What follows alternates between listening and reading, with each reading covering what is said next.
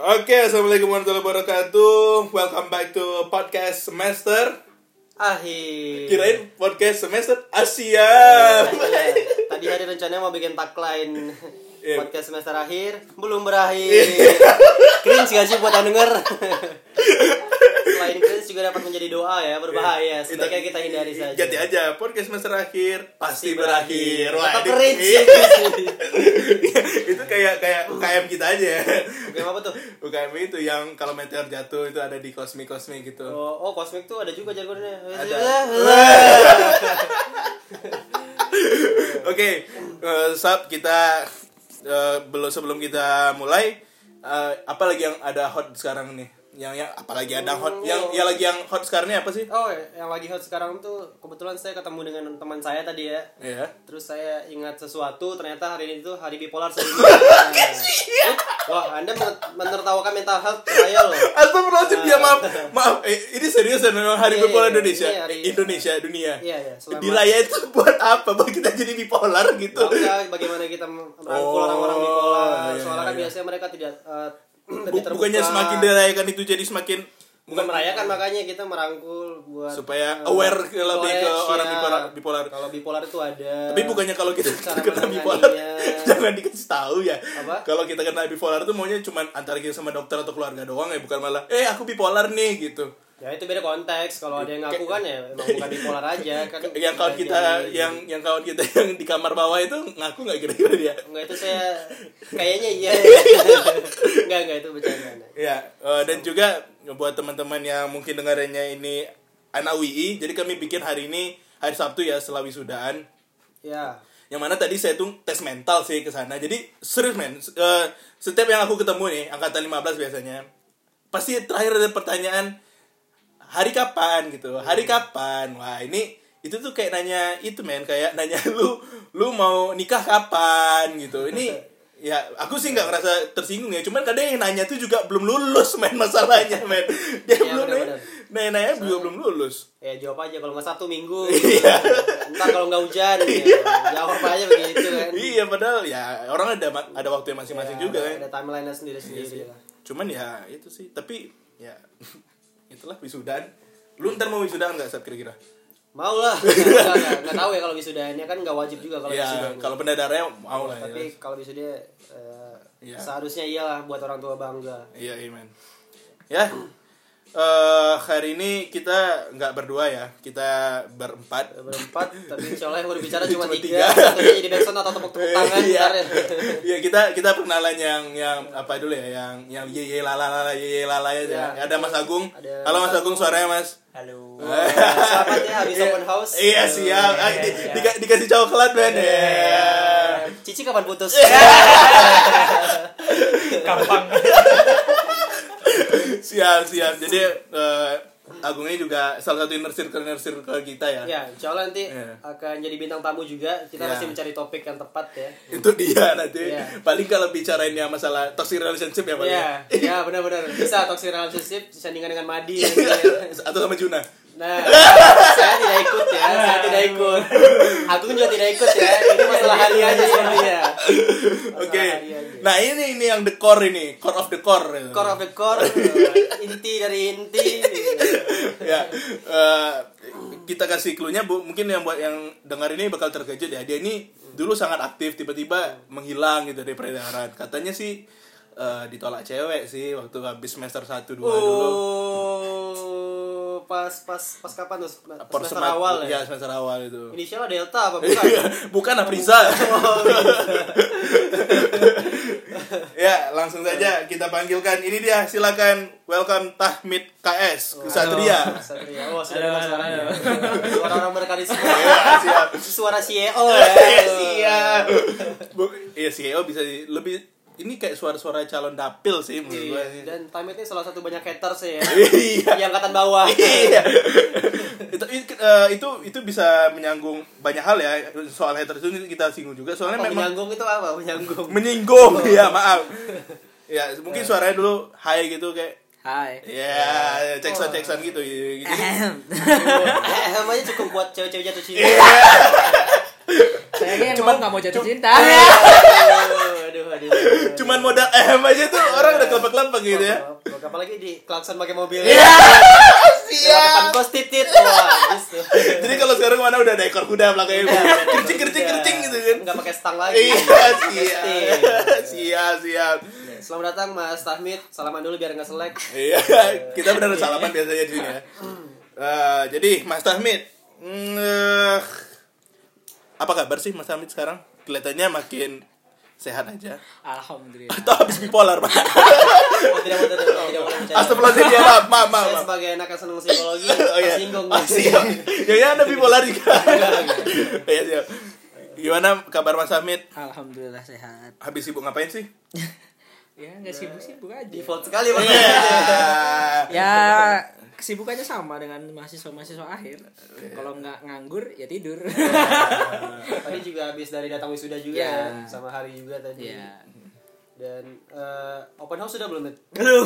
ya Allah belum Padahal yang temannya satunya udah udah, Udah. mau bab dua malah. Ini ini benar-benar eh, yang masih tingkat akhir ini benar- benar kayak Idia nih sih menurut ya kita Hamid ini. definisi masih tingkat akhir ya Iya. sebenarnya kalau kita kan tingkat akhir Ya. tapi tidak produktif Lu udah KP belum? wow aja lah pertanyaannya ya, Mas Tahmid, eh, kenalin diri lo. Ya, nama saya Tahmid Kesatria Suci. Asal Oh ya, ini saya pertama kali tamu yang dari Jawa mungkin ya. Saya asli ya Jogja. benar Lah apalagi ya?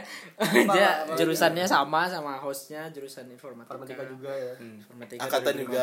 angkatan 2000. Lahirnya tapi beda ya. Lahirnya 9 pokoknya Lima. bentar lagi 4 April tolong diingat ya udah itu. Wah, Jadi kita rilis 4 April aja nih. Kita rilis 4 April buat hadiah ulang tahun Tahmid nih. Ini ini. Kasih podcast Tahunnya nggak usah tahu ya pokoknya 4 April bentar lagi ya. Oke, boleh, boleh, boleh. buat teman-teman yang mau ngasih bom dan segala macamnya ya kan dikirim ke rumahnya ya. biar rumahnya agak kecil Iya. gede soalnya rumahnya Soalnya biasa yang ngucapin kayaknya udah gak ada lagi. Eh, diam. Gak percaya saya Kamit ini banyak sebenarnya deketin Cuma dia low key aja Iya, iya. Lo-fi hip hop. Iya Ya kalau mau sih sebenarnya ada. Cuman yang aku mauin gak mau. Iya. Aduh. Gak apa apa Sering terjadi di kota-kota besar Iya, iya. Ya, Memang tapi- aura itu memang nggak bisa me- me- mengalahkan gitu ya kalau memang dia sependek apa pun kalau Iya. auranya memang tinggi Wah anda ya. body shaming Body shaming ya kita harus ada yang kontra men gitu tapi enggak memang gua gue sebenarnya tertarik bukan karena tertarik suka gitu ya. Maksudnya ini anak ini Tahmid ini gila ini orangnya bisa lead- leadershipnya bang, kuat banget Iya. sih ini. Enggak, enggak, gue setuju. Soalnya Tahmid ini salah satu yang orang yang disegani. Ya dari angkatan kami juga dari teman-teman yang lainnya. Tahmid ini salah satu orang Nah, ya, yang mungkin dia- cukup didengar ya. Ha, mungkin lu bisa jelasin dulu Mas Tahmid kenapa lu bisa sampai diseganin? Mungkin lu ada jabatan-jabatan gitu atau ya gua kasih clue aja dia ini seorang pejabat ya hitungannya nah mungkin kamu bisa jelasin jabatan-jabatanmu aja selama di kampusnya apa aja sih gitu Ya mungkin berawal dari kepanitiaan ya. Eh sebenarnya Ya, ya, bukan awal- dari kepanitiaan awalnya sih. deh. Awal mula mungkin karena eh vokal sih. Bukan Oh, vokalis iya. ya, bukan vokalis. Vokal. Bukan vokalis tapi vokal. oh iya siap siap, siap. Tapi pernah vokalis juga kan? ya itu kan sampingan. tapi, tapi has left the group gitu Jadi ya mungkin itu berawal dari kelas Pancasila mungkin ya. Orang-orang lihat Budiah ya, Budiah? Ya, berpendapat sering vokal di sana.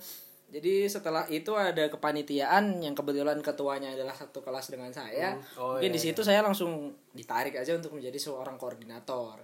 Ya walaupun di awal-awal mula saya apa ya eh, ikut ke kepanitiaan mungkin masih belajar maksudnya masih belum ngerti gimana caranya buat bicara dengan orang banyak ba- bagaimana untuk mengatur orang banyak atau manajerial orang banyak. Mungkin kalau manajerial diri sendiri itu udah bagus. Ya mungkin bermula dari sana.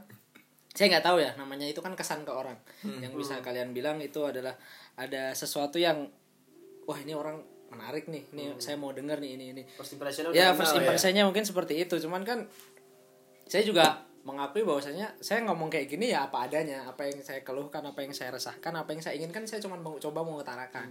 Mungkin belum banyak orang yang istilahnya mau mengutarakan apa yang banyak orang yang punya pendapat banyak orang yang punya keluhan banyak orang punya keresahan tapi nggak bisa menyampaikan oke oke oke ya ha. itu berawal dari situ mungkin orang-orang lihat oh ini orang suaranya istilahnya haru- harus didengar atau Ya ya, oke. apa. Mungkin kita dulu poin aja. Jadi Mas Amin ini dulu pernah dari dari eh, koordinator di sebuah kepanitiaan terus naik ke himpunan ya? Ya. Himpunan jadi apa sih Mas di himpunan? dari staf penelitian dan pengembangan Nah, setelah jadi staf penelim- eh, penelitian dan pengembangan habis itu naik ke Dewan Perwakilan Mahasiswa Nah, ini nih yang punchline-nya Dewan Perwakilan Mahasiswa itu ibaratnya kalau di struktur eh, Indonesianya itu kayak MPR atau kayak DPR lebih tepatnya lebih kayak DPR ya gitu. Nah, kalau ka- saya kan DPM tingkat fakultas ya hitungannya DPRD lah jadi DPRD. Lu kan sebelumnya kan eh, di himpunan dulu nih. Iya. Di himpunan menjadi staf litbang itu penelitian dan pengembangan nih. Nah, yang bikin lu pengen naik ke tingkat yang lebih atasnya nih sebenarnya apa sih motivasi lu? Kayak sebenarnya kan pasti eh, setiap orang punya lah kan apa yang mungkin ada yang pengen dituju atau pengen merubah Tujuan, sistemnya tujuan, segala ya. macamnya. Yang pasti itu positif. Nah yang bikin lu pengen naik lagi nih apa nih?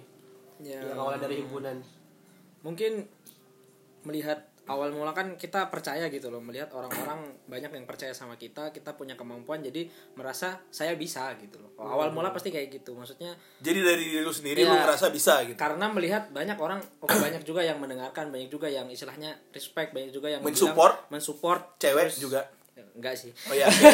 ya lanjut. intinya intinya ngelihat menurut saya pribadi kayaknya bisa sih saya menyuarakan apa-apa yang selama ini menjadi keresahan orang keresahan lain. orang lain gitu yang pengen Oke. untuk disampaikan yang menurut saya di situlah tempat gimana kita bisa berpendapat bagaimana kita bisa memberikan istilahnya eh, alur organisasi yang bagaimana untuk di satu fakultas. Makanya itu ter- berawal dari situ.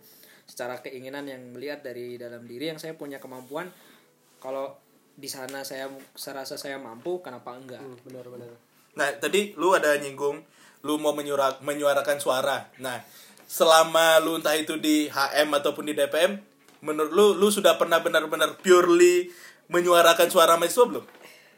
ya mungkin eh, kalau ditanya purely menyuarakan suara mahasiswa mungkin nggak banyak ya Tapi pernah ya, Iya pasti pernah. Mungkin nggak banyak. Cuman setidaknya kebanyakan sih kalau saya lihat dari apa yang saya alamin kebanyakan 75% yang di bawah itu adalah keresahan pribadi. Oke. Intinya apa? Ya lu hitungnya juga mahasiswa Iya. ya kan soalnya. Kita kita punya keresahan tentang organisasi sistem yang seperti ini. Gimana nggak sih kalau kita coba ikut andil dalam mengatur sistemnya di sana. Saya rasa kebanyakan 70% yang saya lihat masih dengan keresahan pribadi. Mungkin kalau dari keresahan yang lain mungkin belum banyak yang Tapi ada gitu ya. di bawah tapi ada beberapa hal yang sudah dibawa dan sudah disampaikan kita sudah berdiskusi dan bahkan sudah menjadi suatu keputusan Nah, itu tingkatnya baru di waktu ketika di HM atau sudah di DPM? di DPM Oh, pas di DPM kalau ya. di HM saya lebih banyak memantau sih Nah, jadi mungkin kita kita lurusin aja. Tugas tugas Anda ketika masih HM apa dulu? Nah, nah bentar. Gue Oke, pengen oke, oke, oke, eh, clearin dulu nih soalnya kan antara swasta dan negeri biasanya berbeda. Ah, iya, iya, itu dulu, itu dulu, itu nanti dulu. kan bingung nih. Iya. DPM tuh apa sih? Soalnya di kampus gue kok nggak ada. Mungkin lu bisa jelasin singkat dulu nih biar teman-teman yang sistem apa government di kampusnya Iya. beda. ya intinya DPM itu kan legislatif Mhm. yang punya tiga peran fungsi utama kalau di kampus kita ya pertama otomatis sel- selaku legislatif ya legislasi itu Oke. pembuat kebijakan peraturan Oke. dan lain-lain itu pasti yang kedua pasti sebagai eh, pengawas sebagai yang melihat keadaan organisasi atau sebagai yang istilahnya yang memantau dan mengawasi yang ketiga terakhir untuk di UI ini namanya fungsi anggaran jadi ya emang yang mengatur seluruh anggaran organisasi mungkin itu peran legislatif yang ada di kampus UI ini Nah, Dan ka- kalau beda di kampus lain tuh apa sih? Apakah namanya DPM juga atau BEM ya gitu? kemarin sih yang saya dengar ada dari UNY dari UPN yang dengan memakai DPM cuman secara fungsi ya Beda. mungkin ada bedanya sih mungkin ya cuman yang saya dapat dari kemarin dari kunjungan di UPN juga mereka menyampaikan mungkin masih belum bisa benar-benar menjadi uh, pengawas atau sebagai apa ya istilahnya karena organisasinya itu masih belum tahu secara fungsi karena mereka kan udah ada namanya kayak biro birokrat kampus yang sebagai penasehat sebagai pembimbing seperti itu. Jadi DPM belum maksimal saya lihat perannya di masing-masing fakultas. Yang itu yang dari pengamatan saya pribadi. Oke. mungkin kalau di UI ini istilahnya kan organisasinya emang bener-bener tanpa campur tangan birokrat Hmm, kampus. birokrat kampus. Jadi ibaratnya DPM sama birokrat eh, sama kampus itu mitra gitu ya. ya Seharusnya mitra Seharusnya. gitu. Oke. Nah, eh, Mas Apit balik lagi tadi pertanyaan gua tuh. Yang simpelnya tadi itu eh, tugas lu selama waktu di HM itu waktu staff itu apa dan ketika sudah jadi DPM apa gitu. ya secara langsung ya namanya juga himpunan ya bisa dibilang itu adalah himpunan seluruh mahasiswa istilahnya. Apa yang diinginkan mahasiswa dalam himpunan itu apa keresahan apa yang pengen dibuat harusnya dihimpun dalam satu kehimpunan. Intinya semuanya dimasukkan di sana minat bakat tentang tentang keilmuan tentang kemasyarakatan tentang sosial semuanya dihimpun jadi satu. Dan lu lebih ke khusus Kalitbang Ah. mungkin saya lebih ke masalah kaderisasi organisasi dan pengembangan sumber daya mahasiswanya. Dan ketika di DPM, tugas lu kan tadi kayaknya udah di udah disebutin ya yang Iya. tiga fungsi utama itu ya. Cuman in reality-nya tugasnya apa sih? Nge-verif verif. ya tugas utama ya selaku ya atau gini, atau gini. Kita mungkin kita bisa bisa atau bisa dikasih dua eh, kotak yang pertama kotak akademis dan kotak non akademis. Nah, di situ tugas DPM-nya berbeda-beda ya. Atau gimana? Soalnya kan kalau istilahnya kan kamu yang tinggi nih di di mahasiswa itu dan me- mewakili me- mahasiswa-mahasiswa. Nah, pasti kan mahasiswa kan tidak cuma akademis saja, ada yang non akademisnya. Nah, itu mungkin peran DPM di mana sih? Eh, mungkin kan di DPM kan tadi kan memang peran fungsi utama yang itu menjalankan bersama Iya. itu tetap tetap istilahnya di- dibagi lagi menjadi tiga komisi kalau di fakultas dan itu kebetulan saya di komisi satu yang terkait tentang internal lembaga. Itu emang yang mengurusi hal-hal terkait di dalam kampus ya. Hubungan tentang organisasi sumber daya mahasiswa. Kalau saya rasa kalau untuk yang ditanyakan mengenai akademis dan non akademis di ketetapan kita juga udah dibuat. Intinya pergerakan mahasiswa itu ada beberapa sektor gitu loh. Hmm. jadi emang di sektor akademis non akademis organisasi minat bakat keilmuan semuanya udah dicakup dalam internal lembaga itu sendiri jadi ya kalau ditanya peran DPM yang seperti apa untuk masalah belajar mengajar mungkin itu peran dosen ya Iya. kita lebih ke masalah Kelembagaan. nah, kelembagaan atau apa ya keilmuan yang bisa mereka gali lagi lebih luas lagi dari apa yang belum dia dapatkan Di akademik, dari ya. akademiknya dari belajar mengajar yang dia dapat dari dosen ya misal saya contohkan eh, kami kan sebagai pengawas di sini yang membuat kan dari teman-teman eksekutif yang membuat agendanya kita melihat Yang eksekutif itu siapa aja contohnya misalnya? eh, lembaga eksekutif Lem gitu ya, lem lem. dan himpunan-himpunan yang ada di bawah. Nah. Kan dia yang merencanakan apa kebutuhan mahasiswanya. Untuk misal di bagian tertentu mereka belum ada tentang keilmuan, kita juga memberikan masukan gitu. Hmm. Nah, mungkin dari sektor keilmuan dari teman-teman seperti apa, pengen dikembangin seperti apa. Mungkin secara nggak langsung, mungkin fungsi DPM untuk masalah akademik yaitu mem- memberikan masukan, memberikan tanggapan, menanyakan kembali ke mereka bagaimana untuk masalah akademisi di masing-masing anggota kalian apakah sudah cukup dengan yang ada di yang udah dikasih dengan dosen apakah kalian juga sebagai himpunan. Ada nggak sih keresahan-keresahan tentang mahasiswa kalian tentang keilmuan yang mungkin dirasa kurang jadi HM bisa bantu misalnya nyari orang ngadain seminar atau ngadain workshop dan lain-lain? Nah, oke tadi lu bilang kan eh, memberikan masukan nih. DPM memberikan masukan terkait eh, keilmuan kelembagaan. Nah, masukan-masukan entah itu masukan tentang keilmuan lem- lem- lembaga atau yang lain, masukan-masukan dari DPM itu eh, apa harus dilaksanakan dengan benar-benar dilaksanakan oleh lembaga-lembaga legislatifnya tadi atau eh, eksekutif legislatif sih Eksekutif. eksekutif harus di, harus dilaksanakan atau ada yang namanya eh, masukan sama perintah atau itu beda lagi Eh, kami lebih jatuhnya gini ya kita kan udah menyepakati kita ada namanya forum sidang umum ya di sana. Arah SU. ya arah arah gerak lembaga tuh mau yang di mana aja. Nah setidaknya di masing-masing himpunan ya mau nggak mau harus atau masing-masing lembaga ya harus bergerak di sana karena itu udah disepakati kita mau di sektor apa aja sih lembaga ini gitu loh. Ketika mereka tidak ada di salah satu kegiatan ya kita coba masukkan secara eh, mereka pengen apa ya mereka mungkin ngadain nggak seharusnya acara kan mungkin Iya. mereka bisa Fungsi, langsung- fungsi. ya bi- mereka bisa meng- mengajar atau ada sistem belajar bersama atau apa Mhm. setidaknya mereka tetap tidak melupakan salah satu sektor yang tertinggal gitu loh kelembagaan ya kalau tadi ditanya saran atau maksa sebenarnya kita kan sudah sa- sama-sama sepakat di situ harusnya masing-masing juga eh, melaksanakan itu oke tapi kalau untuk saran kita lebih ke saran misal kok sampai satu periode ini tidak ada atau dua periode ke depan itu tidak ada gerakan di sana kita hanya memberikan masukan. Jika itu tidak bisa dilaksanakan kita juga harus tahu apa sih kendalanya sampai itu tidak bisa dijalankan. Oh. ya kita tetap mengusahakan bukan memaksa sifatnya kita tetap mengusahakan semua sektor yang kita pengen itu semuanya berjalan. Tapi kalau memang tidak ada apa sih kendalanya? Jadi kita di situ kan bisa melihat kekurangan di masing-masing lembaga yang itu bisa menjadikan catatan kami. Oh himpunan A himpunan B itu masih punya kekurangan di sektor ini himpunan A mungkin bagus di sektor ini kan nggak semua kita bisa maksakan untuk maksimal di semua sektor Oh, Oke, ya begitu. Mungkin Mas Abana ada pertanyaan dulu. Kalau gue eh, lebih pengen mengetahui ini sih sebenarnya kan eh, ada yang lembaga-lembaga ini kan biasanya fungsi utamanya kan buat mewadahi aspirasi. Iya. Nah dari yang gue lihat nih biasanya apakah mahasiswa nih sebenarnya ada menyampaikan aspirasi nggak sih misalnya ke HM Itu atau yang makanya ini yang gua udah tanya di awal tadi tuh. apakah aspirasinya ini benar-benar sampai atau mungkin sebenarnya berfungsi sebagai wadah aspirasi ini benar-benar berfungsi nggak sih sebenarnya kayak ya dari pandangan gue gitu sih ya kayaknya. Contoh, contohnya mungkin kata kuncinya SPP.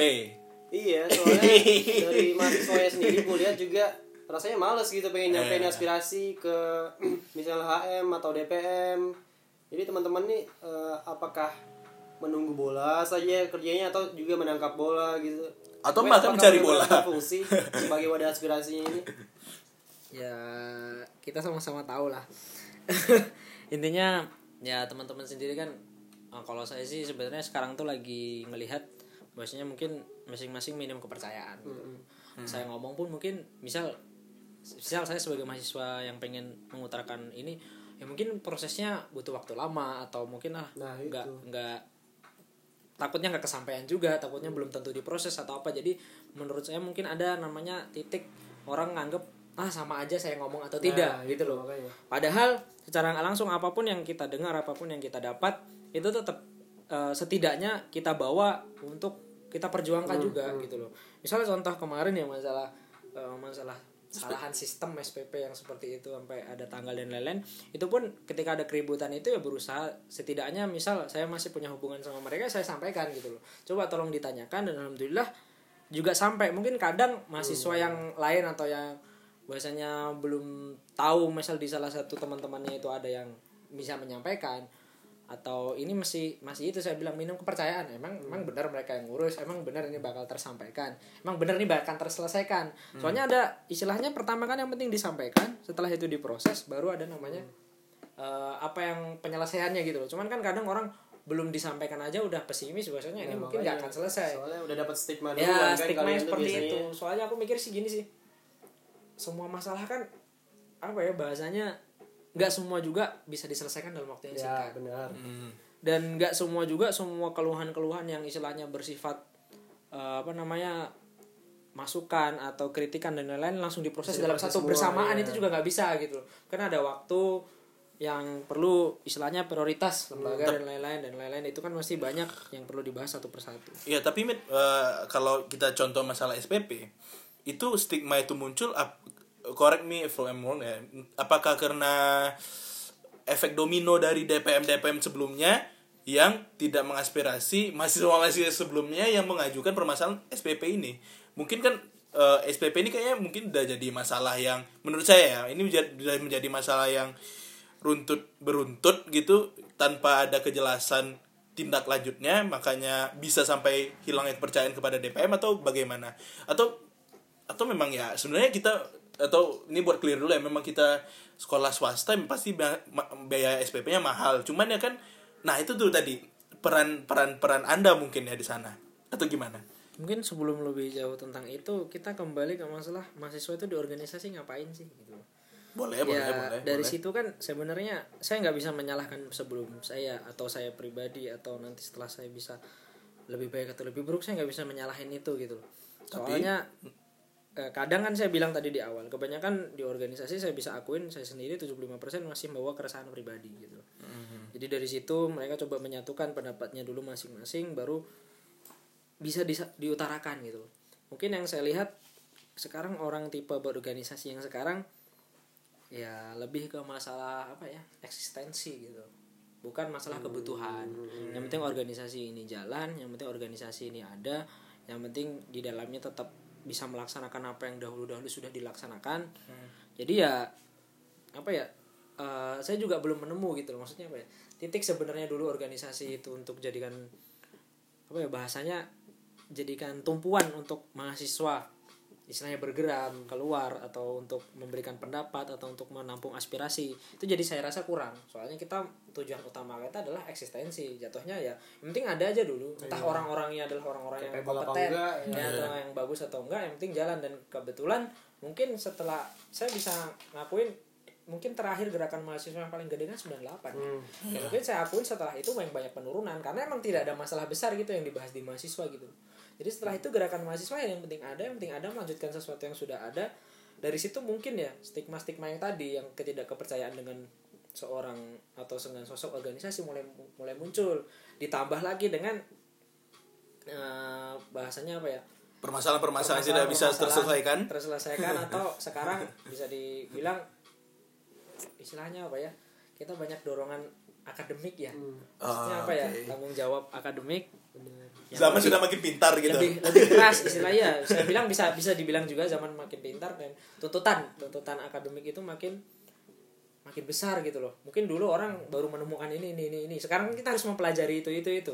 Yang ditemukan orang-orang atau yang dikembangkan orang-orang. Jadi kita lebih banyak harus lebih berpacu. Apalagi sekarang yang kita tahu industri 4.0 atau kita tahu mereka lebih ke melompat bukan berjalan atau lari lagi. Tapi melompat-lompat untuk lebih naik. Seorang mahasiswa pun dituntut untuk eh, apa ya akademisnya juga saya harus mengejar itu gitu loh. Bukan bukan masalah apa ya. Saya harus lulus cepat bukan itu sebenarnya yang saya lihat saya pengen bisa gitu. Saya juga pengen mengejar ilmu itu.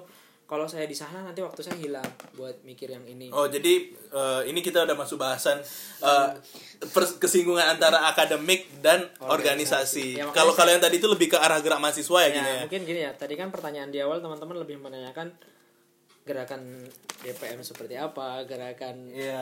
eh, LM seperti apa. Mungkin ini buat umum aja kan pendengarnya kan nggak semua dari UI juga Amin. ya maksudnya bisa jadi dari luar-luar atau dari mahasiswa yang saya nangkap makanya saya coba arahkan tadi masalah buat apa sih mahasiswa itu kenapa sih harus diorganisasi dan kenapa enggak dan kenapa Ya. harus sebenarnya kan uh, inti apakah- pembicaraan ini kan Iya. itu gitu loh. Mungkin kalau untuk masalah masih relevan gitu organisasi Nah, dengan itu. yang lu bilang tadi juga Iya, kan makanya. kita di push ke 4.0 4.0 Iya. akademik kita lebih di push lagi apakah ruang lingkup untuk kita berorganisasi itu jadi lebih kecil Nah, atau balik lagi ke individunya Tapi sebelum itu kan kenapa kita berorganisasi? Mungkin kita bisa tanya ke orang-orang yang eh, dengan latar belakang mungkin kayak saya. Saya ini kan eh, dibilang organisasi ya ya iya tapi iya iya iya enggak cuman kan kalau aslab itu dihitung organisasi organisasi cuman organisasi. tidak tidak be- yang mengurus soal non akademis lebih ke akademis dan kosmik itu hitungannya sebenarnya ya walaupun komunitas tetap ada unsur-unsur organisasinya. Jadi kalau menurut saya kenapa mahasiswa tuh eh apakah relevan mahasiswa sekarang itu lebih ma- masih mengaktifkan organisasi? Ya menurut saya harus memang harus memang harus ada ilmu organisasi yang kamu dapatkan selama kamu kuliah gitu. Jadi eh, soalnya gini hmm, berorganisasi itu menurut saya tuh ilmu ilmu yang nggak ada SKS-nya tapi itu lebih dibutuhkan untuk hidupmu ke depan. Jadi kita udah bayar mahal-mahal nih 24 SKS misalnya berapa puluh juta gitu. Tapi itu masih ilmu akademik. Oke itu memang bakal berguna buat kerjamu. Tapi soft skill ya itu bahasa bahasa bahasa jil- bahasa jilat-jilatnya soft skill. Tapi soft skill yang kamu dapatkan oke mungkin kamu bisa dapatin di kelas cuman untuk melatihnya itu menurut saya tuh ada di ranah organisasi. Entah itu organisasi yang per- seperti Tahmid ini yang organisasi lembaga-lembaga begitu a- atau ya atau yang ke akademik gitu yang kayak aslab atau kosmik gitu yang non akademik juga yang musik-musik gitu. Yang penting kamu ada kegiatan di luar eh, kegiatan akademik. Jadi ibarat mahasiswa kupu-kupu itu ya seharusnya itu nggak nggak relevan tapi sampai jadi sekarang ini menjadi relevan kembali gitu. Padahal dulu kayaknya ketika awal-awal kita jadi maba dulu itu tuh masih sangat panas ya kita jangan jadi kupu-kupu kupu-kupu. Sekarang sekarang, itu kupu Mobile Legend kupu Mobile Legend seperti kan kuliah pulang terus pulang main game gitu ya kan. Mungkin- nah itu kalau dari sudut pandang saya mungkin kalau dari sudut pandang Mas Savana ini gimana ya soal? Gue sih eh, kurang kurang pengen menarik pandangan dari gue sih. Gue lebih pengen dari tahmidnya sih sebenarnya sih. oke Soalnya- boleh. Ini dari yang orang balik lagi ke pertanyaannya soalnya tadi kan. Ah. Tahmid yang benar-benar sosok orang yang organisasi. Balik lagi tadi kenapa sih organisasi itu masih penting dan masih relevan di zaman sekarang? Yang lu tadi juga udah menyinggung 4.0 dan segala macamnya kalau menurut lu? Eh, pertama ya eh, kita selalu ketika mahasiswa baru mungkin di mana aja selalu diunggulkan namanya kalian tuh jadi mahasiswa jangan kupu-kupu Nah, itu jadi ya. sama hari jangan jadi mahasiswa apatis oke sekarang kita garis bawahi dulu masalah apatis Oke. mahasiswa apatis itu yang kayak gimana sih Iya. maksudnya dulu kan Kayak orang- gua.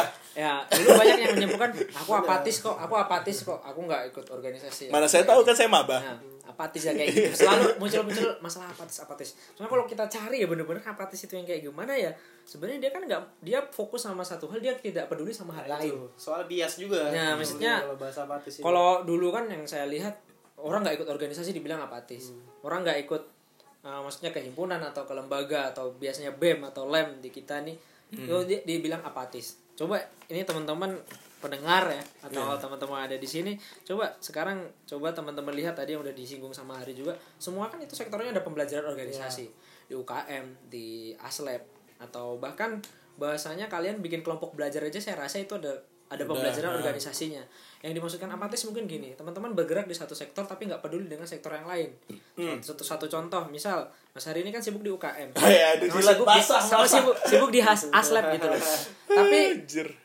Jika misal ada masalah tentang gerakan mahasiswa tentang keaktifan mahasiswa tadi masalah SPP terus masalah ini lembaga ini bisa nggak sih nampung aspirasi yang kayak gitu kayak gitu? Nah menurut saya kan itu namanya masih namanya ada timbul kepedulian. Ya. menurut saya itu nggak bisa dikategorikan apatis dong. Misal ada orang yang sibuknya hanya sebagai asdos aja lah. Tapi dia nggak peduli ala urusan itu organisasi biar dia yang nyelesain ah itu urusan lab biar dia yang nyelesain itu urusan ini. Kita nggak mau tahu atau istilahnya nggak mau tahu istilahnya apa sih kegiatan apa aja dan aktivitas apa aja sih yang ada di sekitar kita itu menurut saya itu namanya apatis Oh, baru yang apatis. bahkan ya. teman-teman ketika di kosan atau di satu kontrakan di sekitar kalian sampai nggak tahu itu namanya juga apatis ada apa misal tiba-tiba ada pembangunan masjid di salah Ya. satu depan kalian kalian nggak tahu itu siapa ada ada agenda apa menurut saya itulah itu yang bisa dikategorikan mahasiswa apatis. Intinya nggak mau tahu. Cuman peduli sama dirinya sendiri. Itu menurut saya yang apatis. Itu pendapat saya seperti itu. Jadi ketika teman-teman bergerak mau seperti saya mungkin di organisasi atau cukup bergerak mungkin hanya oh saya cuman pengen belajar saya tanggungan saya tahu uang kuliah ini gede gitu gitu tapi setidaknya kan teman-teman di situ coba mengontrol coba melihat kita ini kan masih muda gitu ya. banyak istilahnya yang hari bilang tadi ada non SKS yang perlu kita bangun juga untuk kehidupan selanjutnya bukan hanya tentang belajar belajar melulu gitu loh. Yoi. dan itu coba teman-teman yang cuman mikirnya ini saya lulus cepat ini ini. Minimal tuh entah di daerah kosannya entah di masjid entah di sekolah entah apa. Minimal teman-teman tuh tahulah permasalahan sekarang lagi rame itu apa. Eh, istilahnya eh, apa sih yang sekarang isu menjadi isu untuk seorang pemuda itu harus gimana? Saya nggak bahasin mahasiswa ya pemuda soalnya non mahasiswa pun banyak yang bisa bilang saya kategorikan yang sekarang pun nggak peduli sama hal yang seperti ini gitu loh. Entah politik entah eh, apa pun lah intinya yang sebenarnya harus pemuda harus lebih apa ya aware gitu loh. Iya, lebih oke. lebih harus lebih tahu gitu loh. Sebab yang kita tahu kan di mana-mana juga salah satu kemerdekaan kita juga kan yang menyokongkan pemuda Ya. Hmm, hmm, hmm, hmm, betul. apalagi kita kalau kita eh, sekarang dengan yang hari bilang tadi kupu-kupu Mobile Legend saya juga mengakui itu gitu loh. Sekarang tuh mungkin semuanya serba instan ya. Semuanya su- sudah ada jadi eh, kita buat apa mau susah gitu loh kalau ada yang mudah. Sekarang mungkin stigma yang saya tangkap seperti itu orang-orang sekarang. Dan mungkin saya pribadi juga ada yang gampang kenapa saya ambil yang sulit gitu loh. Cuman kan misal teman-teman kayak mau diet aja lah. Ya, kok saya bersindir ini. saya, saya analogi aja lah. Orang mau diet dia kan harus olah- olahraga keras. Ah, untuk membentuk badannya untuk jadi yang terbaik. Iya. itu tidak hanya di luar aja sebenarnya teman-teman. Di dalam kita juga seperti itu. Kalau kita mau jadi punya pribadi yang baik kita mau jadi orang yang coba menjadi seorang yang jujur atau pemikirannya lugas Bagus, ya. bagus atau istilahnya cara dia istilahnya bahasanya soft skill lah tadi bahasa Iya. ini ya kalau soft skillnya juga pengen bagus ya dia juga harus membentuk membentuk itu dengan masalah gitu loh. Jadi organisasi mungkin yang saya ceritakan di awal tadi tentang saya harus kayak gimana saya sebagai lead bank saya sebagai DPM kayak gimana itu mungkin nggak penting. Yang penting adalah ketika teman-teman ada masalah itu itulah yang membentuk kalian tuh itu. Bukan kayak kalian harus membuat ketetapan yang seperti ini seperti ini seperti ini. Eh, eksekutif nggak setuju sama legislatif legislatif nggak setuju sama eksekutif. Itu malah yang membentuk kami. Kalau semuanya setuju datar itu monoton menurut saya. Saya malah lebih suka dibenci daripada disukai Oh Jujur siap. Makanya- Termasuk sama cewek? Ya kalau cewek yang nggak maksudnya gini loh. Itu yang bisa membentuk kita untuk melatih gimana caranya saya menyelesaikan masalah eksekutif Hmm. sampai mereka benar-benar bisa menjalankan. Seorang eksekutif bukan bakal membuat gimana caranya. Nih legislatif juga percaya kita Saya- menjalankan yang tapi ini kan gitu. kalau saling pro kontra pro kontra itu tetap harus ada jalan tengahnya Ya, harus ya. ditarik gitu. Ya, itulah. Benang merahnya ya, harus yang dapat. Itulah apa ya maksud saya? Dan itulah pembelajaran di organisasinya kalau tadi yang Hmm. di istilahnya saya narik pertanyaan masih relevan gak sih organisasi? Mungkin kalau organisasi yang di dalam himpunan sama lembaga-lembaga eh, badan-badan kayak gitu itu sebenarnya yang dicari. Penyelesaian masalah. ya ya Nah, memang kalau di lab kasusnya itu juga pasti kan punya kasus. Bukan dia sebagai gimana jadi seorang manajer lab sama seorang staff lab kan pasti beda permasalahan yang ada. Dan itu yang membentuk orangnya sebenarnya. Di oke. UKM misal regenerasinya udah mulai buruk. Kayak tai. Nah itu kan berarti kan itu kan berarti kan ada masalah di situ kan sebenarnya itu yang dipelajari. Bukan oh saya nih sekarang gimana caranya saya harus jadi ketua biar disegani orang banyak. Dan itu mungkin citra eh, apa ya? Eh, citra pengolahan citra. apa ya bahasanya kayak Citra yang ada di pandangan orang-orang citra sekarang pada orang gitu ah ini dia cuma pengen ngambil kursi kok pengen ada ini. Ya gini loh kalau orang itu berani ambil ya harusnya kita dukung berarti dia dia se- jalannya di sana gitu loh. Kita karena ya mungkin ya bahasa julid sekarang tuh kan lagi booming ya banyak Iya. apa apa julid apa apa julid. Ya saya sih kenapa sih harus kita punya prasangka yang kayak gitu terus gitu loh sama orang-orang? Ya itu saya bilang di awal tadi minim kepercayaan kita sebenarnya. Entah saya juga nggak pernah nyalahin Mas Hari di UKM Mas Afana di himpunan saya di lembaga atau Mas Agung di mana Cici. ya seenggaknya ketika kita gabung ketika kita satu lingkaran kita kayak kita ngumpul semua permasalahan itu kan ada kita jadi Ya, kebentuk kita tahu masalah UKM kayak gimana kita tahu masalah eh, mahasiswa yang istilahnya di lab seperti apa yang di HM seperti apa. Ketika kita ngumpul dalam satu circle itu kan jadi bener-bener lingkaran yang banyak masalah yang bisa kita sharing. Oh ternyata di jadi Buka organisasi ruang itu kayak gini. ya yang besar ya. Kalau gitu. misal dia cuman mikirin belajar ketika kumpul dia kalau ah aku males lah kalau dia bahas organisasi. Aku kan ini aja Ta- tapi gini gua, gua mau ada pembelaan sedikit buat orang-orang yang lu bilang apatis ya. Gini mungkin ya pemikirannya itu lebih karena aku slow karena aku slow gitu nggak sih? Maksudnya ini tuh nggak berimpact banyak buat buat buat kuliah gua gitu. Jadi kenapa gua harus pusing-pusingin? Dan gini loh yang bayar SPP orang tua gua. Lah ya kenapa kalau gua masih fine fine aja bayarnya kenapa harus ribut? Nah itu mungkin ada stigma stigma yang seperti itu kan. Dan ya mungkin menurutku kita lebih kayak merubah pola pikirnya dulu men. Pro- merubah pola pikir orang-orang buat lebih concern gitu terhadap masalah-masalah yang ada. Ini Mas Tahmi ini lagi panas panas kayaknya kita butuh AC ya. Enggak sih saya ngomong ngomong kayak gini kan mungkin berdasarkan pengalaman keresahan pribadi dan juga pendapat pribadi. Mungkin saya rasa banyak yang istilahnya sepakat dengan Mas Hari atau sepakat dengan saya atau bahkan punya pendapat sendiri. Saya nggak masalah itu. Intinya kan yang saya bilang saya nggak pernah mengkategorikan orang-orang itu langsung dikategorikan dia nggak ikut kita di kita bilang apatis gitu loh saya nggak Oke. Jangan gampang melabel Ja- orang. jangan Ya. yeah. melabeli orang. Orang. Kadang dia bahkan saya banyak lihat orang yang banyak pejuang-pejuang OSIS di sekolahannya. Tidak terjun juga di organisasi mahasiswa. Banyak juga yang kayak gitu. kenapa mungkin dia sudah sakit hati duluan Nah, Banyak bisa faktor bisa bisa dari faktor dia ala organisasi cuman gitu-gitu aja. Iya. Ada juga yang punya faktor saya merasa cukup di sana saya sudah punya ilmunya saya coba menggali ilmu yang lain dan itu saya nggak masalah saya sering banyak saya punya beberapa temen yang pernah di osis yang sekarang nggak di organisasi pendapat yang saya ambil positifnya adalah oh ilmu saya tentang soft skill Udah saya, dapat saya udah dapat lah. ya saya tahu kekurangan saya di mana sektor saya yang kurang saya ambil di sana. Nah itu oke dong maksudnya dia semua skillnya udah "Ah, nggak masalah saya ya udah gitu loh. Tapi dia buktinya masih mau gitu loh ketika saya ajak pendapat seperti itu yang mak- maksud saya itu bukan kayak sinis gitu loh mas Hari maksud saya itu apa Iya, sih? alah apa sih mas organisasi paling mikirnya gitu-gitu. Itu yang mungkin saya menurut saya saya agak sakit hati dibilang kayak gitu. Iya. lah paling dia lulusnya ntar paling telat. Padahal nggak semua juga kan. Terus Iya. kalau misal alah alah, anak anak akademik paling mikirnya lulus doang. Ya jangan dikategorikan kayak gitu juga. Itu salah misal alah dia akademik doang paling dia pengen lulus tiga setengah tahun. Ya Iya, iya. kita juga nggak boleh kayak gitu. Boleh. itu, hak ya, itu hak, hak itu hak hak dia gitu loh. Dia tuh mau mengambil jalur kuliah dia mau ambil Iya sih, iya setidaknya yang saya bawa lagi bukan masalah mahasiswa pemuda ini loh. Kita Hmm. Kita di umur yang kayak gini umur 20-an lah sekarang.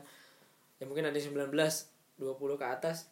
Kita sekarang mikirnya kan ke depannya gitu kita kan sebagai penerus penerus lah yang ngelanjutin orang-orang yang sekarang istilahnya duduk di kursinya atau melanjutkan sektor-sektornya. Mungkin ada yang di bidang pemerintahan ada yang di kepolisian atau di mana pun lah semua sektor untuk memegang suatu jabatan di negara ini kan kita yang ngelanjutin. Ya, dan itu ya latihannya dengan berorganisasi tadi dari Iya. salah mahasiswa. satunya di organisasi atau dari sumber masalah-masalah Iya, yang ada. Atau mungkin dari kayak kayak Mas Tami ini kan juga ketua pemuda ibaratnya. Remaja masjid nih di komplek dia kan di desa dia. Dia juga Ya, Mas Tami ini udah masalah. benar-benar fully fully socialism people gitu ya. ya mungkin kenapa sih? Banyak dulu saya sempat tanya ketika saya masih semester 3 ada maba istilah berarti anak 16 ya. Kok Mas Tami tuh mau sih sibuk di situ di situ di sini di sini di sini? Tuh kuliahnya gimana? Oke lah. Jujur saya pribadi kuliah saya tidak sebagus kuliah teman-teman saya. Hmm. dan itu jangan ditiru. Banyak kok orang-orang yang sibuk di organisasi sibuk di sosial kemasyarakatan dan lain-lain tapi kuliahnya bisa dia bagi. Jadi kalau kalau kalau kata podcast sebelumnya Mas Ari itu bilang ada slip sosial Ah. sama school ini kalau memang bener nggak? Menurut menurut Mas bener nggak? Ya, kalau misalnya sepakat itu sosialnya dapat school sama slipnya kurang. Kalau Ya. slipnya Nah, sekarang dapat emang kayak Skill gitu. social skill. slip sosial sk- school apa skill sih? Skill skill school. Ya, ini didengarkan school. lagi kan sama Ya, Mas Ari ya. kan Wah, udah. parah. Nih podcast sendiri nggak denger. Intinya gini loh kan kita juga nggak bisa memaksakan semua skill orang itu tiga tiganya dapat tadi ya. Ya ya atau semua orang tuh bagus di semua sektor. Iya. kita layaknya manusia tuh pasti kan saling, saling melengkapi masing-masing gitu loh. Nggak mungkin tapi saya kemarin nggak lengkap tuh lu saling sosialnya bagus mesti ada yang tentang akademisnya kurang. Ada yang akademisnya bagus tapi sosialnya kurang. Itu banyak kayak gitu. Tapi seenggaknya kan itulah fungsinya kita sebagai makhluk sosial yang saling berhubungan saling sharing saling tukar pengalaman cerita cerita sana sini di situ kan masing-masing jadi saling terisi. Ya. itu mungkin yang belum ada di apa ya maksudnya kalau orang tujuannya cuman mau yang instan-instan saya seperti Ya. yang saya bilang tadi. Cuman main game terus ya udahlah ngapain sih susah-susah belajar? Ngapain sih susah belajar? Saya lebih enak kerja habis suruh sekolah kan banyak kayak gitu. Mungkin ada yang masalah uh, orientasinya emang karena nggak punya dana. Itu tapi dia kan bisa kadang lebih membangun oke saya nggak mas nggak bukan mahasiswa. Tapi seenggaknya pemikiran saya saya juga peduli dong dengan concern mungkin tentang sosial kemasyarakatan atau apa. Seenggaknya kita sebagai orang-orang seumuran umur-umur matang lah bahasanya seenggaknya kita peduli dengan lingkungan yang ada di sekitar kita gitu loh. Apa pun itu menurutku. Maksudnya kalau apatis tuh menurutku ya orang-orang bener-bener dibilang ateis ketika dia ya nggak ngapa-ngapain. Cuman pengennya ya. Fokus sama satu hal tutup mata di bidang lainnya nah gitu. itu maksudnya. Fokus sama chicken dinner yang lain ya udah gitu loh lain, ya kasusnya gini aja lah. Misal awal mula kita dulu rame-rame di Dota ya pemain-pemain Dota player muncullah Mobile Legend lah apa salahnya sih kita main Mobile Legend sama main salah Dota? anda yang masih mobile legend sampah hidup anda ini Savana ini garis keras MLI dia ya, itu loh itu loh. Maksudnya kita tuh sekarang ngeributin hal-hal seperti itu. Ya ya udah dia mungkin tertariknya dengan mobile yang ini tertariknya dengan PC Ya, ya, wes. ya why not gitu. Just, Just No Limit dapat Ferrari loh Iya itu loh maksudku man. itu contoh kasusnya itu yang bisa kita Anjir, pelajari. makin gak jelas ya. Loh, bahkan di game kita bisa dapat ilmunya tentang Iya, siap. kayak gitu gitu loh. Ya, jadi saya- ada aturannya Iya. ya itu yang saya bilang pemikiran negatif atau kita bahasanya julid atau bahasanya kita sensi sama segala sesuatu itu hindari dulu gitu. Iya. Seenggaknya kan kita nggak tahu tujuan dia di sana. Tapi Tujuan terkadang dari julid itu bisa kita dapat suatu hal, maksudnya bukan berarti kita beda, boleh beda, kan beda konteks julid Beda beda ya. tuh gampang berasumsi buruk Oh, iya, buruk, nah, ya, asumsi iya. buruk. jadi gue juga sebenarnya setuju ya kenapa kayak tadi apatis itu yang benar-benar nggak ngelakuin apa pun atau fokus di bidang ranahnya tapi dengan isu-isu yang lainnya dia nggak mau tahu soalnya setiap orang kan sudah punya fokus hidupnya masing-masing nih nggak melulu harus di organisasi. Karena kalau setiap orang organisasi di mana saya beli bakso? Saya beli sate di mana? Isi pulsa di mana? Masa tukang pulsanya jadi anak HR kan nggak bisa. Ibu kos saya siapa yang ngatur?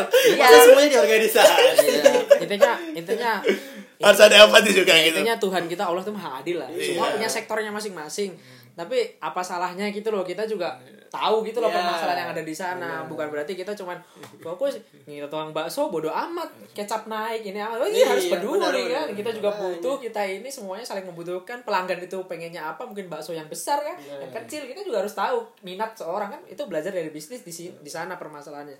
Nah saya saya balikin lagi ya masalah kelayakan tadi yang pertanyaan di awal yaitu masih relevan gak sih organisasi? Yes. ya masih relevan cuman teman-teman mungkin perlu digarisbawahi ketika kalian masuk kebanyakan saya dapat saya pengen nyari pengalaman gitu. Nyari cewek. ya pengalaman. Nyari pasangan hidup. mungkin yang agak kurang oke lah nyari pengalaman itu pasti ada kok. Di mana pun kita pasti dapat pengalaman. Iya. tujuan utama mungkin yang pengen pengen saya kasih tahu mungkin saya juga dulu belum banyak di sana adalah teman-teman harus banyak memberi. Memberi di sini maksudnya apa ya teman-teman punya apa sih? Sadar nggak sih teman-teman punya kemampuan apa? Mungkin secara speaking saya masih kurang.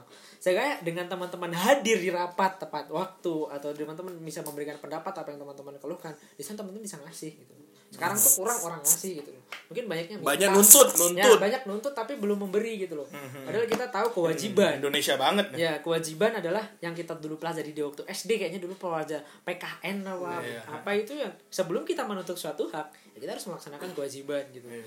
Ya ketika teman-teman misal, oke lah kita kewajiban masuk kuliah adalah belajar. Hmm. Kita menjalankan belajar. Cuman coba teman-teman kalau mikirnya hanya di satu sektor itu aja. nggak pedulilah tentang masalah sosial, masalah apa pun itu. Masalah apa pun itu teman-teman nggak peduli ya coba teman-teman lihat nanti outputnya kayak gimana. Saya nggak bisa nyalahin juga orang yang fokus cuma di sana banyak yang lebih sukses juga di sana Iya. doang. Tapi kita juga perlu melihat yang lain. Banyak yang nggak sukses eh, banyak yang sukses juga dari nggak kuliah. Jadi kan kita nggak nggak bisa soalnya- ngotak-ngotakin gitu. Iya, dan rezeki juga udah ada yang ngatur gitu. Iya, maksudnya- dan buat teman-teman mungkin nih yang punya stigma biasanya banyak banget yang punya stigma kalau anak organisasi lulusnya bakal lama terus IPK-nya rendah. Hmm. Gue bisa menyangkal hal tersebut ya karena kita juga punya teman namanya Mas Lutfi ya. Iya. Dia sangat aktif berorganisasi. terus akademiknya juga super aktif. Sekarang di Jakarta Nah, dia. dan dia kerja. juga uh, salah satu menjadi mahasiswa dengan Lulusan berprestasi terbaik, ya. iya. Dengan IPK kemarin berapa tuh? lupa gue. kumlot kan? Iya, kumlot, Nah, kumlot. Jadi itu balik lagi ke individunya sih, bagaimana Dan- teman bisa manage segala macamnya. dan dan juga eh, ada stigma yang gini Eh, ilmu organisasi itu eh, maksudnya gini ada stigma ilmu organisasi atau organisasi-organisasi itu nggak kepake di di pekerjaan di ranah kerja nanti wah ini yang yang perlu di di, di- perlu diperbaiki ya. Soalnya gue baru dengar cerita teman gue abang-abang tingkat gue itu di kantornya dia dia di korporat sih ya. Temannya ada satu teman yang ngodingnya karena ini IT ya ada satu teman yang ngodingnya jago banget tapi cara dia bersosialize itu sangat sangat jelek gitu sangat ya an- dibilang asus gua nggak ngerti jelas itu abang tuh bilang sangat jelek dan ada satu temennya yang biasa aja sih ngodingnya belajar belajar belajar lagi cuman dia itu dia sangat sama sama yang lain itu humble gitu loh Hmm. akhirnya teman dia yang teman dia yang ansos tadi yang yang susah bersosialisasi itu dipecat men Menarik sih. Dip- dipecat jadi menurut gua ilmu ilmu skill ya? ilmu ilmu soft skill itu juga juga penting dan berpengaruh maksudnya ya kalau lu lu mau ngandelin hard skill hard skill terus tapi lu nggak bisa menjual apa yang udah lu buat ya sama aja. Dan soft skill tadi ya itu balik tadi soft skill tadi bisa didapatin ya itu salah satunya di organisasi tadi atau concern terhadap masalah-masalah gitulah istilah yang udah dipanjang lebar sama Mas Tahmid tadi. Ya intinya kesimpulannya adalah teman-teman itu jangan terlalu punya stigma negatif sama semua hal. Kita tanpa mereka kita nggak bisa lo jalan sendiri. Berarti kita harus berhusnuzon dulu ya? Ya sebenarnya bukan hanya husnuzon suudzon yang saya tahu adalah kita berprasangka itu aja udah nggak boleh. Iya, oh ya maksudnya gini loh. Sama cewek nggak boleh berarti? Ya maksudnya prasangka itu kan ya prasangka itu kan artinya istilahnya kita kan masih mengira-ngira gitu loh. Entah Iya. itu baik entah itu buruk gitu loh. Sehingga kita berpikir untuk eh, maksudnya ya mungkin ini jalan dia di sana ya udah gitu loh. Ini jalan aku di sini. Tapi kan itu namanya juga berprasangka dong Ber, iya tapi berkira-kira juga tapi kan tapi kan maksudnya gini loh kalau kita istilahnya wah ini pasti dia nanti jadi di sini di organisasi dia makanya bakal jadi berpikiran buruk dulu yang boleh kita bahkan kan kita juga jangan terlalu berekspektasi yang bagus juga. Iya. Oh saya di organisasi nanti saya jadi orang yang bagus kok, saya jadi seorang sih, leader iya. kok, gitu-gitu kan Iya, juga nggak nggak iya, baik. iya, Itu terlalu kepedean namanya. Iya. Bisa kamu kurang di mana dulu tahu jangan bukan berarti kamu di organisasi kamu gak peduli sama akademik itu juga menurut saya bisa dibilang apatis. Dia cuma peduli sama organisasinya di giliran suruh masuk ke ranah akademik atau kamu tuh juga kuliah itu juga kewajiban kamu. Ya bodo amat lah saya udah dapat soft skill kok. Hard skill kan nanti bisa dibentuk bareng gitu ya nih. Itu juga salah menurutku gitu loh. Jadi setidaknya ya ya emang segala sesuatu yang berlebih-lebihan itu kan nggak baik iya cinta berlebih-lebihan juga Iya, nggak baik ya iya. soalnya kalau udah berharap yang tinggi nanti jatuhnya sakitnya lebih parah iya waduh Aduh, kecewa itu tidak ada teman-teman. Iya. ada tuh ekspektasi teman-teman yang Iya. ketinggian ya.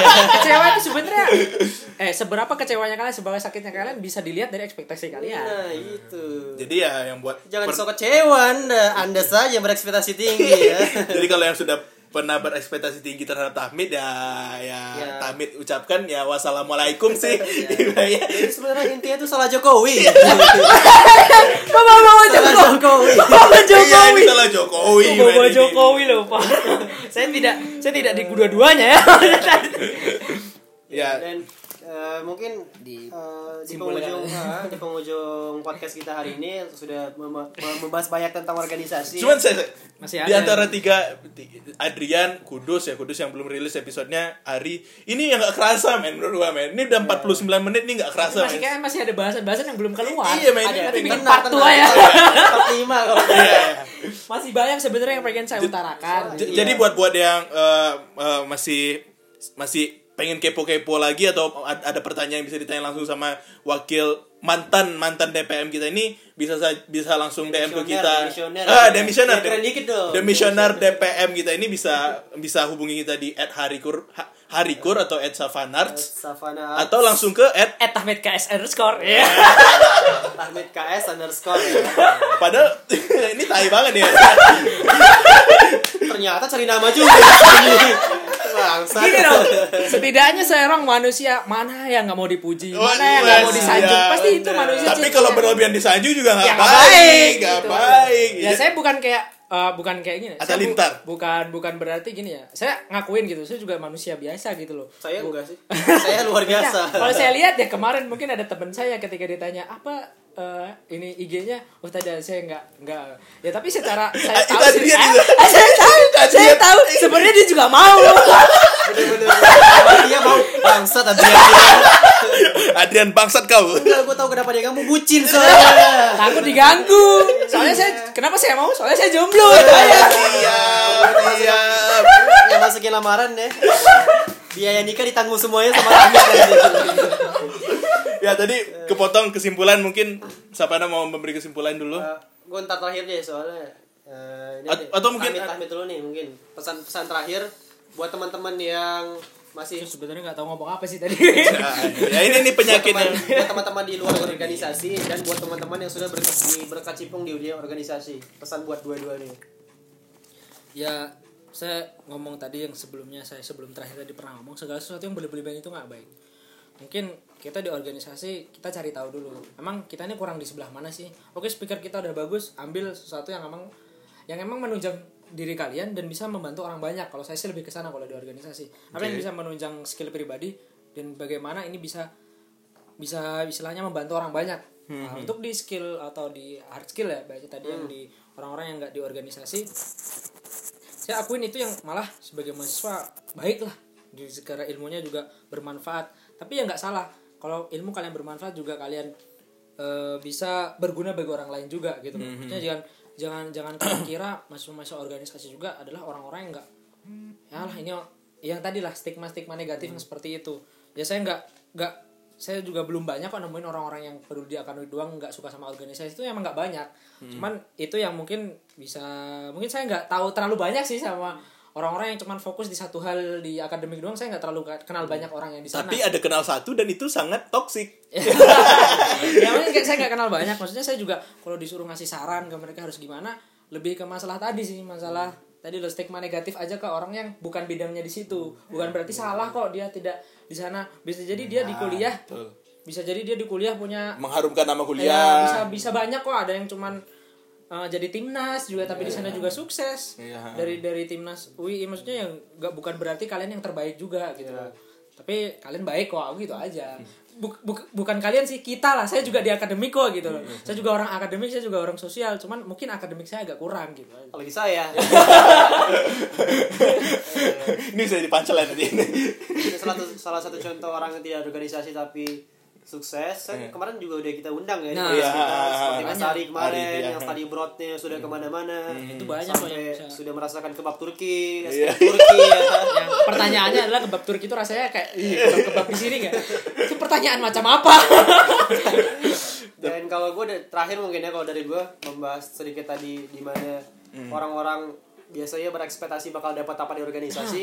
Gue masih ingat banget nih mungkin Tahmid juga masih ingat. Mas Galang pernah bilang gini di depan Mas Galang itu siapa? Mas sekarang itu siapa ya kabit kita dulu Iya. ya, bang dia pernah bilang gini eh, ketika kita masuk ke sebuah organisasi jangan mengharap kita dapat apa tapi apa yang Ah. dapat kita beri untuk organisasinya sih Jadi kita memberi dulu baru kita Iya. merasakan apa yang kita, Yang kita dapat. beri ya. mungkin deh. Mungkin sekarang kalian nggak tahu dampaknya apa. 10 atau lima tahun lah, lima tahun lah minimal lima tahun ke depan.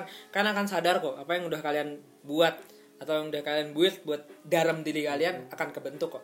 Nggak nggak sia-sia kok orang-orang di gym juga itu kan lama-lama juga kebentuk. Sama yang dari di- diri kita. Kenapa harus izin? Iya bener bener. Bener kayak Uli. Kebentuk juga kan. Dikat, ya barusan di akhir dikat. Oh, ini ini ini. tapi tapi untuk di akhir Gina. Enggak saya bilang gini loh. Enggak sia-sia kok orang yang di gym gitu loh. Lama-lama juga akan kebentuk sama dengan ada yang di dalam diri kita gitu. Kita nggak sia-sia juga di organisasi Kita nggak sia-sia doang belajar-belajar di kuliah. Kita nggak sia-sia Pasti akan ada nanti hasilnya gitu. Mensana Air Corporation.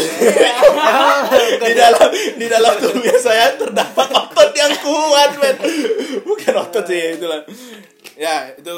Jadi gimana nih Gua- jadi nanti. ini sangat sangat full sih Ini hari masih ini part 1 sih Setelahnya nanti masih banyak sebenarnya yang bisa kita Iya, explore. Masih mungkin kita bakal unek-unek dari Tamit ya. menyandingkan sama yang Lain. pernah di bawah tadi yang katanya lagi merayakan bipolar itu Iya. kita bisa sanding- kita bisa sandingkan Soalnya sama menurut Tahmid. saya Menurut saya Pendapat saya ini Jujur ya Banyak saya sudah me- mengutarakan sudah terverified lah ke, ke, ke banyak orang tapi saya akuin masih dikit yang masih mungkin sependapat sama saya gitu loh Maksud saya saya akuin pendapat mereka mungkin banyak yang lebih bervariasi gitu loh saya ini masih Tidak dari satu masalah pendapat itu ya. ya. Jadi itu tidak masalah itu malah yang bisa kita membuat kita punya jati diri Hmm. atau membuat kita punya istilahnya membentuk diri itu ya ketika kita sekarang umur yang sekarang membuat kita berkembang. nanti kalau kita udah tua ya itulah kalian itu kata kalian yang udah kalian nggak bisa rubah-rubah lagi Oke. udah itu aja Ya. banyak banget Ya, itu Iya, ya. itu ya. Tidak semua yang bisa organisasi kan. Tadi Iya. saya beli bakso di mana? Iya. Isi pulsa di mana? Masih sih bisa di HM Iya, isi pulsa di HM. yang tukang laundry masa HM juga Iya. aja ya nggak mungkin Yang angkat galon saya siapa nanti? di HM nggak ada gym di bookstore adanya. Tapi kalau nukang di bookstore dimarahin. oke Ben sini, sini, sini dulu sini dulu Kenapa belum bahasnya gym ya ya mungkin nih kita langsung closing ya Eh, kita mau closing mungkin sebelum closing eh, gua ada satu pertanyaan nih jadi jadi buat yang belum tahu salah satu tugasnya DPM ini adalah untuk memverifikasi acara-acara eh, anak-anak eh, itu salah satu bentuk pengawasan Ya, bentuk pengawasan ya. Dan dan dan gini gini. Eh, tapi ini terkenal sangat tegas, lugas dan sangat Galak. keras gitu, galak ya.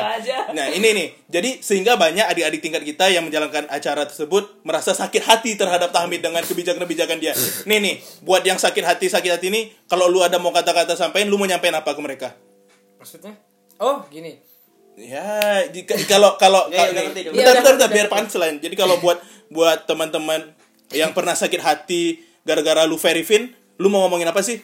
Saya suka sama kalian kalian yang membentuk saya jadi yang baik masih jadi untuk yang terbaik untuk jadi lebih baik lebih baik Well, oke siap. That is all, my friend. That is all. Oke, that's wrap it. I love you hot me Well, oke. Ama ama sebelah kete. terus ngomongnya sudah beraudul udah udah capek Oke, siap. Nah, itu tadi dari Mas Tahmid ya. Iya, itu pembahasan kita tentang organisasi ya. nanti bisa diundang yang lain Oke. Bisa bisa bisa ntar kita Tapi saya juga ada. ngundang Mas Tamit Oke, lagi siap. deh. Soalnya masih saya juga menyadari banyak. masih banyak banget yang bisa kita bahas Gali. nantinya. Oke. Dan terima kasih Mas Hamid sudah menjadi bintang tamu kita. Thank you so much dan terima kasih buat Mas Agung yang sudah mendengarkan sambil tiduran sana. jangan Oke. lupa ya Instagram tampil KS underscore Ah, anjir Mas ya aja pajak sosial. Ini Mas Mas Agung mau, mau pajak sosial juga di sini. Mas Agung. Ya. Ternyata Itu tadi. 57 menit ini buat cari nama. buat cari follower. soalnya Instagram saya sepi Ya, guys. Belilah kayak Atta Lilitar. kayak Avinio Gas. dia ganteng bro Instagram sepi yang sepi atau hati yang sepi? Eh. Kalau masalah hati gimana? Kalau masalah hati ntar kita undang Soleh aja. saya bukan ahlinya itu soalnya Ah, Oke, Soleh siap. Soleh, ntar kita undang Soleh. Oke, siap ya. Oke, terima kasih banyak semuanya. Ya, goodbye. untuk Well, nama-nama yang disebut maafkan Savana kita ketemu lagi di podcast selanjutnya ya. Jangan ke mana-mana, tetap dengarkan kami. Share podcast ini Share, karena ya itu tadi Like. bentuk kami kita memberi nih. Kita mulai kita Ya. memberi ya kan. share, eh, like, Like and- dan saya kasih waktu 10 detik buat subscribe ya. Satu, tiga, oke. Ya. Goodbye. Goodbye. Podcast semester akhir. Enggak, enggak, enggak. Temanya apa? Kering. Cringe. Ya, udah. bye ya.